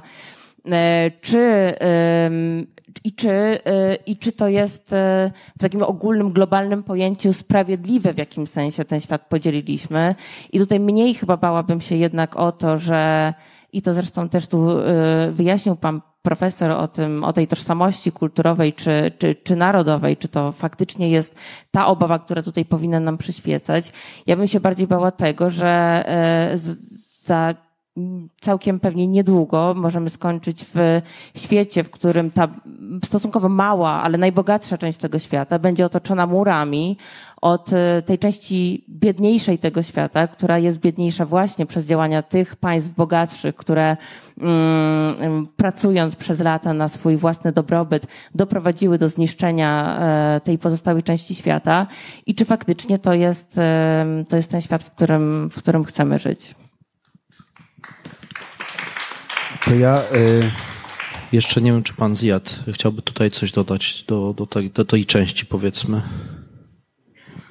Y, ja się w pełni się zgadzam y, y, z panią i to, o czym na początku chciałem powiedzieć, właśnie odpowiedzialność krajów rozwiniętych wobec tych krajów, które nie z własnej winy są albo w konflikcie, albo e, w takiej sytuacji, e, który z powodu, tak jak pani powiedziała, zmian klimatycznych ludzi znajdują się w sytuacji, kiedy nie mogą utrzymać swojej rodziny. I ja uważam, że należałoby przede wszystkim E, właśnie mm, odpowiedzieć sobie na te pytania i e, w związku z tym odpowiedzieć, czy jesteśmy, czy powinniśmy brać odpowiedzialność za tych, którzy na tej lub innej e, granicy giną z powodu mrozu. Dodam e, jeszcze jeden e, fakt, e, który to zgodnie ze statystyk polskich i dlatego też nie bardzo rozumiem takie obawy przed imigrantami z źródła oficjalnych e, wiem, że osoby, którzy trafiają do Polski po e, wyjściu z ośrodka zamkniętego, to dwa, trzy dni maksimum są w Polsce i jadą dalej do innego kraju. E, I to też tak, no bo granic nie ma. Także Polska nie jest krajem docelowym dla tych osób, przynajmniej dla większości. Dlatego y, obawianie się o to, że będą mieli wpływ na zmiany tożsamości, ja bym tego nie widział. Ja mieszkam tutaj w Krakowie od tylu lat. Nie próbowałam tożsamości Polaka jakiegoś zmienić. Zjad, jeśli mogę, jeśli do mogę. tego, że jeszcze jedną taką, to co pan Zjad mówi, mianowicie proszę państwa, jak popatrzymy na historię i na geografię, tak zwane państwa bogate, no, mają długą historię bezlitosnego łupienia, okradania, i holokaustów, no, chociażby holokaust dokonany na Indianach, tak, przez Europejczykach. E, więc to bogactwa nie wynikają z tego, że to są jacyś wyjątkowo pracowici ludzie i inteligentniejsi od wszystkich innych, ale bodajże tylko Finom chyba nie można zarzucić, że kogoś złupili. E, Szwedzi to nas złupili na przykład, Duńczycy to też łupili gdzie się dało, Norwegowie to raczej nie, ale reszta krajów bogatych to są wszystko kraje, yy, tych bogactwo wyrosło na złodziejstwie, wyzysku pracy niewolników, yy, zabieraniu dobr, yy, bogactw naturalnych, więc jakby znaczy trochę robią te kraje w z poczuciem sumienia, przyjmując na przykład ze swoich kolonii, tak, na, na jakichś tam pre, pre, preferencyjnych zasadach, ale tak naprawdę, no to, no to tak było w historii. Ja tylko Ziyad, mm, oczywiście się z tobą w 100% zawsze, jak wiesz, zgadzam. Natomiast Ziyad, y, no, sytuacja trochę jest też taka, jeżeli chodzi o, y, o to, że oni traktują oczywiście tranzytowo, ale to się, znaczy mówię o migrantach w Polsce. No, ja to przeżywałem wielokrotnie z, z Czeczenami, no bo oni w większości z Polski wyjechali, czy traktowali tą, tą sprawę tranzytowo. I tu są dwa, y, dwie albo trzy, trzy rzeczy, o których warto, y, warto, o których warto y, pamiętać, że tak jest. No, pierwsza rzecz jest taka, że w tej chwili ten system, który nie lubię tego w ogóle słowa, już nie mówiąc o zjawisku, ale ten system dzisiaj jest taki, że większość ludzi, którzy przejedzie przez Polskę, czy wjedzie do kraju Unii Europejskiej i tym krajem pierwszym będzie Polska, to oni i tak też Czeczeni kombinują bardzo często, prawda? Oni później próbują we Francji, czy tam wiadomo w Belgii i tak dalej, i tak dalej i ich później po prostu odsyłają z powrotem do Polski. Y, no bo się nagle okazuje, że oni, że oni jednak dostali status bądź dostali, no wjechali przynajmniej tutaj, bądź często nie dostali, bo nie, nie chcieli czekać na ten status i oni tu wracają. Druga rzecz y, jest taka, że, y, że tak na dobrą sprawę no, jeśli chodzi o, o, o, kwestie, o kwestie białoruskie, no to, no to to, co powiedziałem, to to, to że przykład tego, że oni trafiają do Niemiec, który tutaj e, e, był e, wspomniany, to też jest taki przykład, który, który mówi o czymś, o czym ja wiedziałem, państwo pewnie nie, bo, bo akurat rząd ten, który jak widzę nie lubicie, pisowski, i to było parę lat temu, nie mówię, że w momencie, kiedy był ten kryzys uchodźczy, tylko powiedzmy po 2015 roku, był bardzo, bardzo poważnie naciskany, uwaga, przez rząd niemiecki, ten, który przyjął tyle uchodźców, żeby zatamować e, granicę e, e, wschodnią Polski, unijną, żeby, czy to chodziło o właśnie czy to były, nie, nie potrafię powiedzieć oczywiście dzisiaj, ale czy to były jakieś efekty pewnych e, kontaktów Niemiec, między Berlinem a Moskwą, nie mam pojęcia. Nie mam pojęcia, z czego to wynikało, ale wiem na pewno i, i, i, i mówię to całkowicie odpowiedzialnie, że rząd pisowski wówczas realizował tak naprawdę e, oczekiwania czy żądania rządu niemieckiego, a jak wiemy przecież e, rząd e, Prawa i Sprawiedliwości uchodzi za rząd, który nie chce się, że tak powiem, nie chce ulegać jakimkolwiek żądaniom naszego zachodniego sąsiada. Więc, więc trzeba pamiętać o, o, też o takich faktach, że to trochę tak, to, to, tak jest, no niestety. No. Marcin, jeżeli e, mogę e, dodać jeszcze do tego, co mówisz. E, tak naprawdę Łukaszenka nauczył się od kogo? W 15 roku Erdogan prowadził tą samą politykę wobec Europy i na o wiele większą skalę pozyskał 5 miliardów dolarów od Unii Europejskiej e, i może Łukaszenka e, jest takim jakimś uczniem jego, a Turcja, wiemy, jest jednym z najlepszych teraz e, sojuszników i przyjaciół Polski. Prawda? Zgadza się, zgadza się, ale przy okazji, jeżeli mm, tutaj, bo to dobrze, że wspomniałeś o Turcji, e, jak tutaj pani właśnie, e, jedyna wśród nas obecna e, pani, wspomniała, czy mm, tutaj był też taki problem pod tytułem, jak rozróżnić uchodźcę od od migranta, prawda? I to też w kontekście Turcji, kiedy mówisz, ja chciałem to też wyjaśnić, jak ja to traktuję. To znaczy dla mnie te e, kilka milionów uchodźców syryjskich w Turcji to są uchodźcy, natomiast tych, e, te tysiące czy setki tysięcy Syryjczyków, uchodźców z Turcji jadących do Europy są już migrantami, ponieważ oni wyjechali ze strefy wojny i znaleźli się w Turcji. Ja absolutnie nie twierdzę tego, że e, ich życie tam jest e, wspaniałe, bo nie jest. Jest bardzo ciężkie, bardzo trudne. No niemniej, jakby każdy następny ten, ja przynajmniej przyjmuję po to, żeby móc sobie w jakiś sensie ten świat no, no, no móc go jakoś rozpoznać. Y, ja, sobie, ja przyjmuję tego typu definicje. Czyli dla mnie migrant to jest człowiek, który, e, który przyjeżdża jakby bezpośrednio z kraju ogarniętego, graniczącego też powiedzmy w tym przypadku z Polską, ucieka przed jakimiś prześladowaniami, wojną,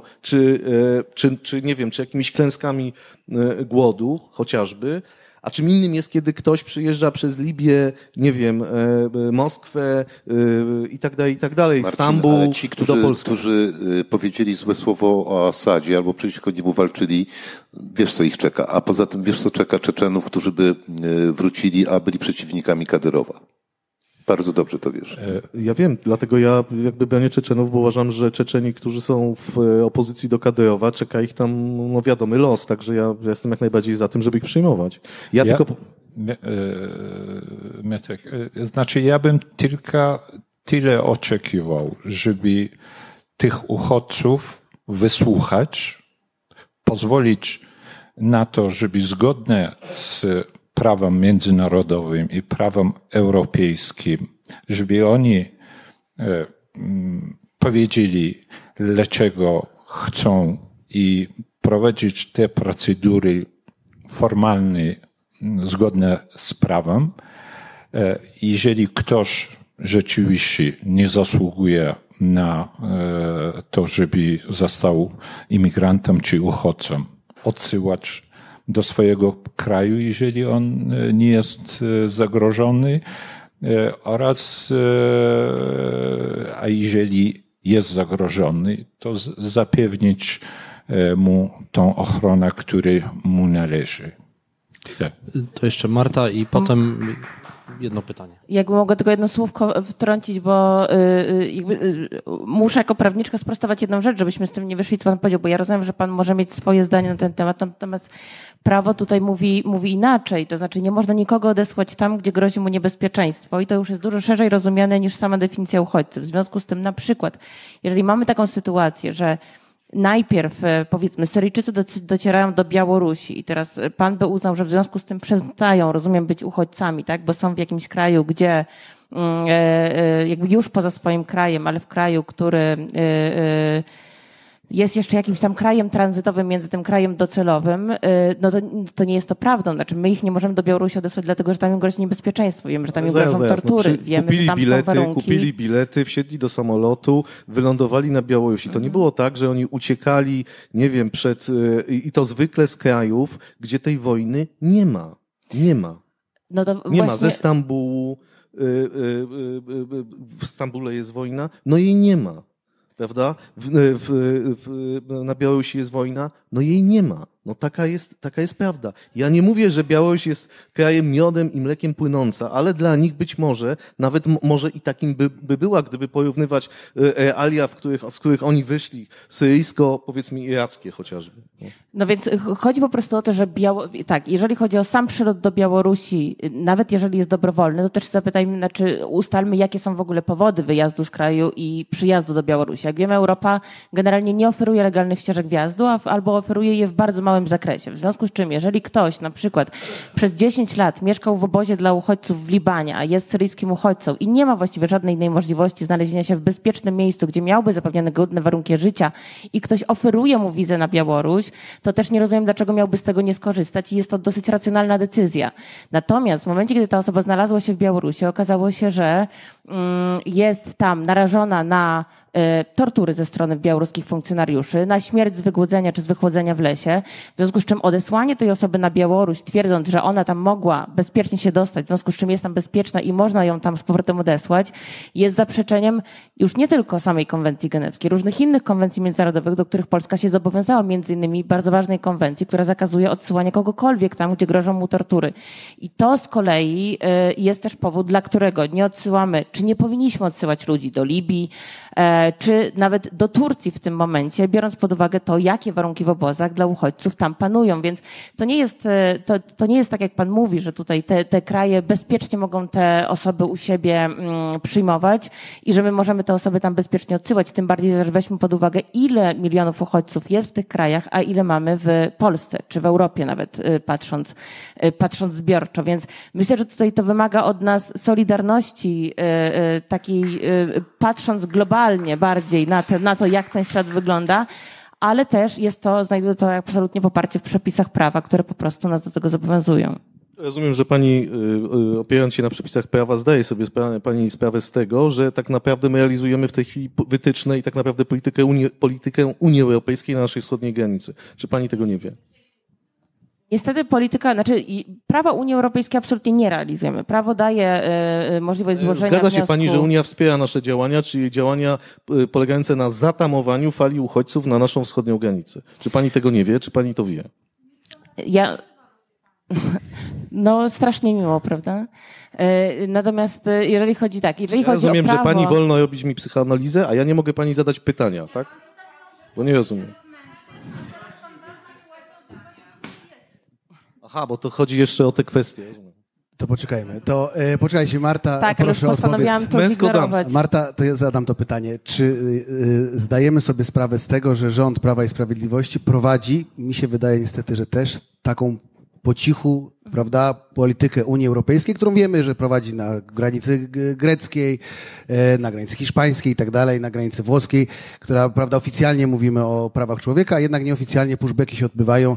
Zresztą anegdotycznie możemy przytoczyć, prawda, pushback e, sprzed jakiegoś, nie miesiąca oficera nie z tego, e, Frontexu, który przez przypadek został również pushbackowany na granicy greckiej. Tak, jak najbardziej tak i to jest niestety bardzo rozczarowujące, że Unia Europejska ma zapisane w traktatach, w dyrektywach bardzo piękne hasła o solidarności, o humanitarnym podejściu, o y, udzielaniu ochrony osobom, które tej ochrony potrzebują, natomiast de facto politykę prowadzi bardzo przeciwną tym wszystkim wartościom i po cichu pozwala na to, żeby ona była prowadzona na mm, zewnętrznych granicach Unii Europejskiej. Natomiast to też nie oznacza, że my, y, że my mamy taką politykę realizować. To znaczy najpierw uważam tą debatę przeprowadźmy tutaj między sobą, y, że tak powiem, na tym polu krajowym. Natomiast tak ostatecznie to ona powinna być prowadzona na polu europejskim, na, na forum Unii Europejskiej. Mm, I to jest postulat od lat stawiany przez organizacje pozarządowe czy środowiska, które zajmują się bezpośrednią pomocą tym osobom. To znaczy, y, jak to się, czy jak, jak, jak sprawić i e, jak to zrobić, żeby to prawo unijne, które, tak jak mówię, te piękne hasła na, e, te piękne hasła ma zapisane, było realizowane w praktyce. No i tu niestety wchodzimy już w kwestię politycznej, pewnie nie ma czasu, żeby jakby ten temat rozwijać. Natomiast to, że to prawo na tych, na tych granicach jest łamane, no to jest znowuż kwestia pewnej polityki realizowanej w tym momencie przez Unię Europejską i ona będzie zawsze zależała od tego, jacy akurat politycy dojdą do władzy. Więc uważam, że jeszcze raz, migracja jako zjawisko powinna być przestać być kwestią polityczną, powinniśmy traktować ją jako kwestię społeczną, jako kwestię, na którą e, musimy znaleźć odpowiedzi, które będą e, niezależne właśnie od kwestii politycznych i od tego, kto akurat tutaj władzy jest. Dziękuję. Ja przepraszam, pozwolę sobie, bo ta rozmowa myślę, że jest jeszcze mega ciekawa i moglibyśmy tak bardzo długo rozmawiać, ale pan profesor, ja już widzę, że pan profesor po prostu już będzie spóźniony przez nas na e, kolejne swoje spotkanie, więc chciałbym tak z takiego trochę podsumowującego, ale myślę, że tu nie ma co podsumować, bo ta rozmowa się będzie toczyć e, i ta rozmowa zostaje otwarta i to jest, myślę, że to jest to rozmowa o tożsamości, o której Marcin mówił, e, europejskiej, o tym, czy ta e, tożsamość się właśnie z, z, polega na tym, że się ogrodzimy i będziemy... Ja z kolei uważam, że tak już wtrącę, że naszym większym zagrożeniem jest iPhone i Netflix, nie, a, nie, a nie migranci, bo to jakby takie skupienie się na naszym dobrobycie jest zagrożeniem dla naszego świata, a nie drugi człowiek. Natomiast z tej takiej perspektywy szerszej, tego, tego świata, który no, się zmienia, który, w którym migracja zawsze w, w istniała. Ona nie jest jakimś pomysłem e, ostatnich lat, tylko ona, ona sami byliśmy i ostatnio nawet e, tak złapałem się na tym, że właściwie każdy z nas ma jakieś doświadczenie migracyjne. Sam byłem nielegalnym pracownikiem w Stanach Zjednoczonych, więc jakby e, z tej perspektywy świata, który cały czas e, się zmienia, ale ta migracja staje się coraz bardziej intensywna przez kryzys klimatyczny. E, jak zrobić, żebyśmy pozostali sobą, jak zosta- zrobić, żebyśmy e, dalej mogli dumnie nieść nasze hasła, o których mówiła Marta, a, a jednak pozostali też w jakimś takim poczuciu bezpieczeństwa i takim poczuciu odwagi i, Karol, proszę. To ja też pozwolę sobie to podsumować, bo też z przerażeniem już widzę, że półtorej godziny minęło tak e, dość szybko. E, e, pan profesor wspomniał właśnie o katastrofie klimatycznej i ja zawsze porównuję, mówię, XXI wiek stoi przed dwoma wyzwaniami. Z jednej strony katastrofa klimatyczna, z drugiej strony właśnie globalne migracje, które są konsekwencją też zmian klimatycznych. I co możemy zrobić, żeby mm, tak jak 20 lat temu ta katastrofa klimatyczna nie była e, tematem e, w mediach. Raczej e, politycy też przerzucali ten temat jak gorący kartofel co najwyżej. No dzisiaj jest tak z migracją i wierzę, mam nadzieję, że właśnie za 10 lat znajdzie się ktoś, czy znajdą się osoby, które, którym się uda mimo wszystko znormalizować ten temat, pokazać, że to jest wyzwanie, przed którym nie tylko jako Polska, nie tylko jako Europa, ale jako cały świat globalna społeczność mimo wszystko stoimy i choć rozwiązania katastrofy klimatycznej nie da się na razie znaleźć i państwa, i politycy niestety na to wyzwanie w nieodpowiedni sposób e, reagują, no ale jednak to już jest taki, taki topik, e, temat główny. I wierzę, że, że być może da się to zmienić. Być może e, mielibyście Państwo pomysł, jak, jak można to zrobić. Ja tę sytuację rozumiem następująco. Znaczy mówię o tej sytuacji tu i teraz. Że mamy różne poglądy i czasem o tym dyskutujemy, y, jakby to była partia szachów, a czasami jakby to był mecz bokserski. I jedno, co możemy zrobić, to to, żeby zbliżać się do y, partii szachów, to znaczy, że, że są różne poglądy, i że inność poglądu y, nie musi nas dezorganizować wewnętrznie. To, to jest bardzo trudne zadanie. Y, mam na myśli, że gniew nas może dezorganizować wewnętrznie. Y, I tutaj jest, uważam, bardzo ważne zadanie takie osobiste, żeby nie dać się sprowokować siewcom gniewu. To jest zadanie, które stoi przed nami jako odbiorcami mediów, odbiorcami hejtu, odbiorcami programów telewizyjnych, które nam mówią coś takiego. E, obcy jest zły, uważaj, e, broń się, a najlepiej e, oddaj mi się w opiekę, a ja już się tobą zaopiekuję.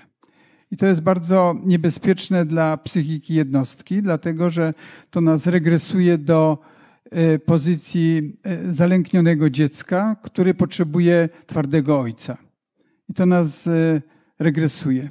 To jest więc pytanie o to, czy my obcego traktujemy jako zagrożenie. Tak powstaje ksenofobia, tak powstaje nacjonalizm, tak powstaje społeczna agresja.